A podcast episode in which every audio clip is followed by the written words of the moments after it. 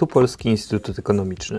W naszym podcaście komentujemy dane, przewidujemy trendy i rozmawiamy o sprawach istotnych dla światowej gospodarki.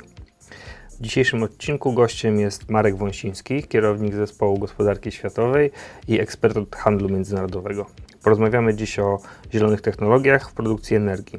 Jak obecny kryzys na rynku surowców może pomóc w odchodzeniu od paliw kopanych i rozpowszechnieniu OZE, co to jest zielony handel i jakie miejsce na jego mapie zajmuje Polska. Nazywam się Jan Strzelecki i zapraszam do słuchania. Witaj Marku. Czy mógłbyś powiedzieć, e, co to jest właśnie zielony handel? E, cześć. Zielony, to bardzo trudne pytanie, co to jest e, zielony handel, ponieważ dokładnie nie wiemy tego, no, jeśli chodzi o definicję taką w pełni. Jak mówimy o zielonym handlu, to myślimy przede wszystkim o zielonej gospodarce, czyli całym przedsięwzięciu transformacji na gospodarkę niskoemisyjną, a także chroniącą środowisko. E, I w tym kontekście przenosimy też to na handel, ale patrząc już na przepływy handlowe, na produkty, które mogą być e, wzięte pod uwagę, jeśli chodzi o ten zielony handel, no to tutaj e, natrafiamy na szereg trudności z tym, jak to zaklasyfikować. Były tego typu próby, jak stworzyć taką definicję. I jeśli chodzi o negocjacje międzynarodowe, to mieliśmy do czynienia z negocjacjami w ramach Światowej Organizacji Handlu, e, umowy e, o e, produktach środowiskowych, ale te negocjacje się nie, nie zakończyły powodzeniem dotychczas. Z kolei Organizacja Wspólnoty Gospodarczej Azji i Pacyfiku w 2012 roku wynegocjowała liberalizację handlu właśnie częścią takich produktów zielonych i na tej liście znalazło się tylko 54 kody towarowe, które mm, rzeczywiście nie uwzględniają wielu aspektów tego, co możemy uznawać za produkty chroniące środowisko, czy też wpływające na e, redukcję emisji, czy tym generalnie na tą transformację na niskoemisyjną e, gospodarkę. OECD e, sporządziło listę 250 e, produktów, które można za takowe uznawać, ale wciąż e, nie jest to pełna lista, a także trzeba przyznać, że z tej perspektywy patrzymy tutaj na dane, próbujemy to szacować, ale wciąż jesteśmy daleko od tego, co jest wiarygodną ilustracją tej zielonej gospodarki, ponieważ te produkty często są klasyfikowane razem z produktami, które nie są koniecznie, e, niekoniecznie korzystnie wpływają na ochronę środowiska, a niektóre też są po prostu mm, e, służą dwóm celom, na przykład e, turbiny gazowe mogą być wykorzystywane zarówno do produkcji energii właśnie z gazu, ale też w niektóre elektrownie z odnawialnych źródeł energii wykorzystują pęd powietrza i też wy, wymagają tych turbin gazowych. W związku z tym można powiedzieć, że to są e, takie podwójnego zastosowania produkty, jeśli chodzi o chroniące środowisko i niekoniecznie. Tutaj dochodzimy do y, tego właśnie, czym się różni zielony handel od zielonej gospodarki. I co ciekawe, Polska, choć y, powiedzmy nie plasuje się w rankingu najbardziej zielonych gospodarek, to jest dosyć istotnym eksporterem e, zielonych technologii, e, dóbr ekologicznych. E, czy możesz powiedzieć, co eksportujemy e, i no, na ile to jest ważna część polskiego eksportu? To może zacznę jeszcze od y, tej wizji globalnej, czyli na całym świecie mamy do czynienia ze wzrostem znaczenia e, tej zielonego handlu e, w, na przestrzeni ostatnich lat. W tej chwili te produkty, które możemy uznawać za zielone, to jest 8% światowego eksportu i w ciągu ostatnich 10 lat odnotowano wzrost około 30%, co przewyższało wzrost całego światowego handlu, czyli można powiedzieć, że ta, ten sektor rozwija się szybciej niż E, niż e, światowy eksport e, wszystkimi dobrami. Z kolei, jeśli chodzi o Polskę, to tutaj mamy również bardzo szybki rozwój tego handlu. Jesteśmy w tej chwili 16 eksporterem towarów tych zielonych, ekologicznych na świecie. Eksportujemy i jeśli chodzi o wzrost, który odnotowaliśmy, to dynamika jest wysoka. W ostatnich 10 latach podwoił się eksport tych produktów. Mówię teraz o klasyfikacji według OECD, czyli takiej najszerszej klasyfikacji produktów OZE, produktów zielonych. Czyli rośnie zarówno szybciej niż dynamika światowa tych produktów handlu produktami zielonymi, jak i szybciej niż polski eksport w ogóle. Też, tak.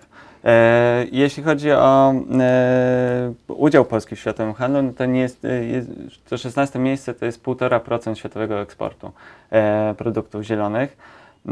W UE jesteśmy piątym eksporterem tego typu towarów, więc można powiedzieć, że rzeczywiście jesteśmy dość konkurencyjni.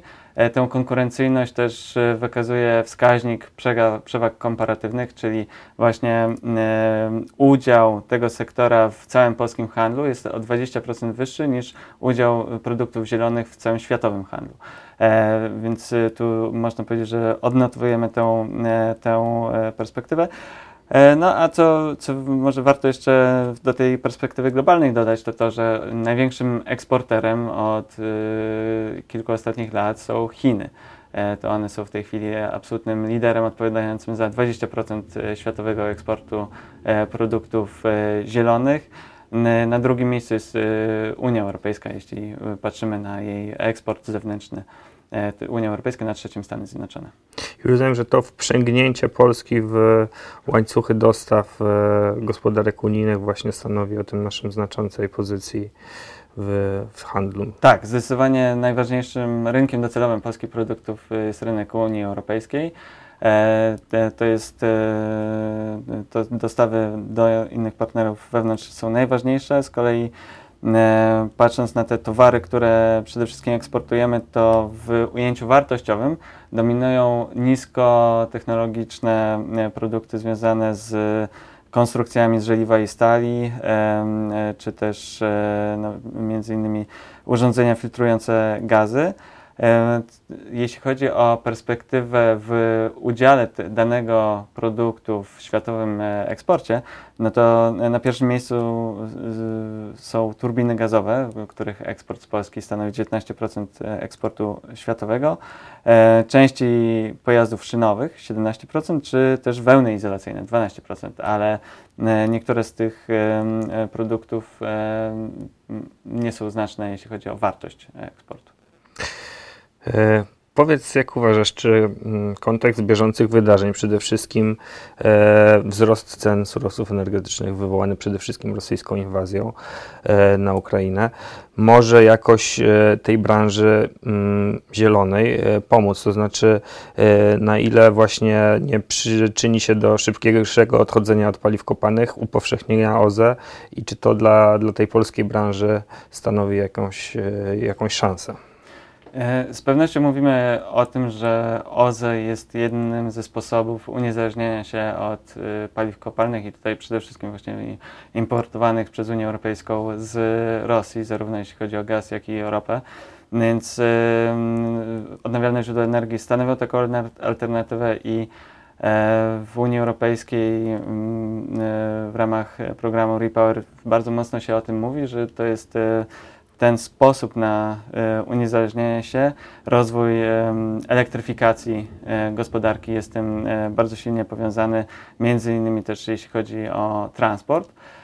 Więc to, to jest bardzo ważne. Oczywiście nie da się tych torów odwrócić natychmiastowo, ale rozwój na przykład fotowoltaiki w Polsce w ostatnich latach wskazuje na to, że rzeczywiście ten dynamiczny rozwój może następować.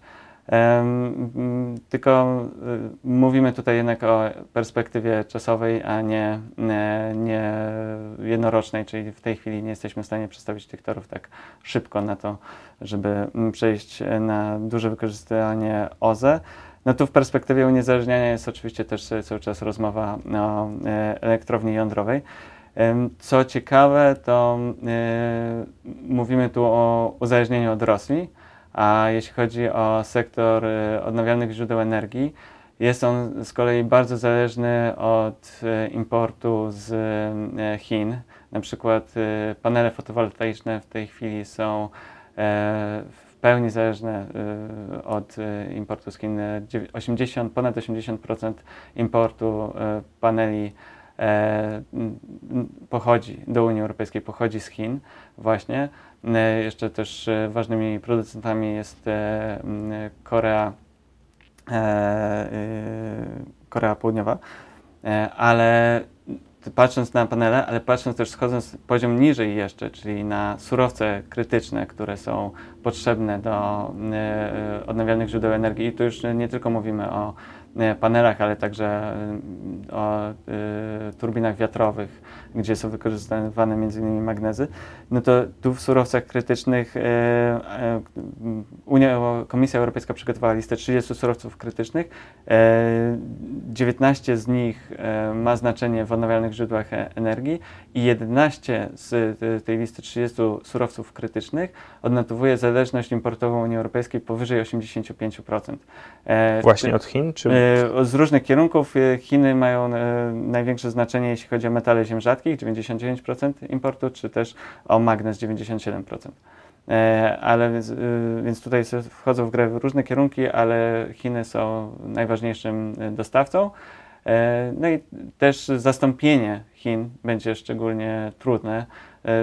Raz jeśli chodzi też o procesy produkcyjne tych surowców, ich przetworzenia, jak i też e, po prostu o złoża. E, e, Chiny w tej chwili kontrolują rzeczywiście bardzo dużo też złóż, nie tylko położonych w Chinach. A powiedz, co poza taką dbałością o bezpieczeństwo dostaw, o to, żeby z zależności surowcowej od Rosji nie wpędzić się w zależność od e, su, surowców czy produktów z Chin, można zrobić na takim poziomie globalnym, no bo wyzwania środowiskowe dotyczą całego świata, żeby ten zielony handel, e, handel e, zielonymi technologiami stymulować, co organizacje międzynarodowe e, mają do zrobienia? No, po pierwsze, na pewno trzeba poszukiwać e, tych nowych złóż i sposobów możliwie e, bezpiecznych dla środowiska przetwarzania tych e, surowców, co jest oczywiście szalenie trudne.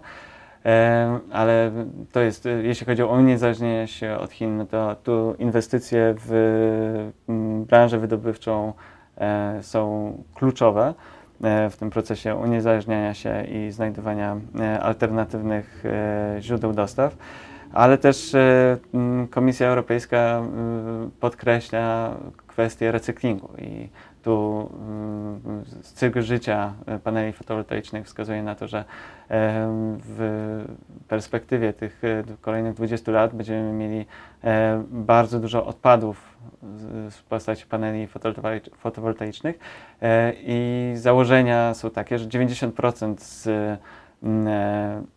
z tych surowców użytych może być poddane recyklingowi i możemy ponownie użyć e, tych materiałów. Tak więc e, tak na dobrą sprawę re, inwestycje w, e, w recykling, w ponowne użycie e, surowców i zasobów używanych do, e, do różnego rodzaju urządzeń związanych z energetyką odnawialną będzie pewnie kluczowe.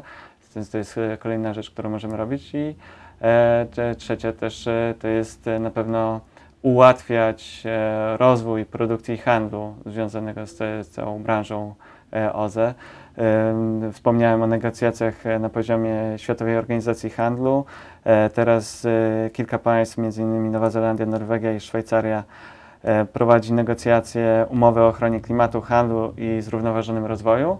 No I ta umowa ma na celu właśnie połączenie celów związanych z E, ochroną środowiska, ochroną klimatu, e, z e, rozwojem handlu i tak na dobrą sprawę w tej umowie mogłyby być przewidziane rozwiązania wolnohandlowe zmniejszające cła i bariery.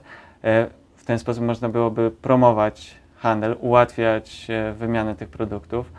E, tu też e, w grę chodzi, żeby to nie było tylko te kilka państw, które to negocjuje, ale żeby rzeczywiście rozszerzać e, tego typu rozwiązania, szczególnie też jeśli chodzi o standardy, ponieważ jeśli chodzi o już nie ochronę klimatu, ale ochronę środowiska i na przykład ekologiczną żywność, to tak na dobrą sprawę każde państwo na świecie ma swoje standardy tej żywności i Zharmonizowanie tego mogłoby przynieść korzyści w postaci łatwiejszej y, właśnie rozpowszechnienia produkcji i w związku z tym też e, eksportu tego typu produktów.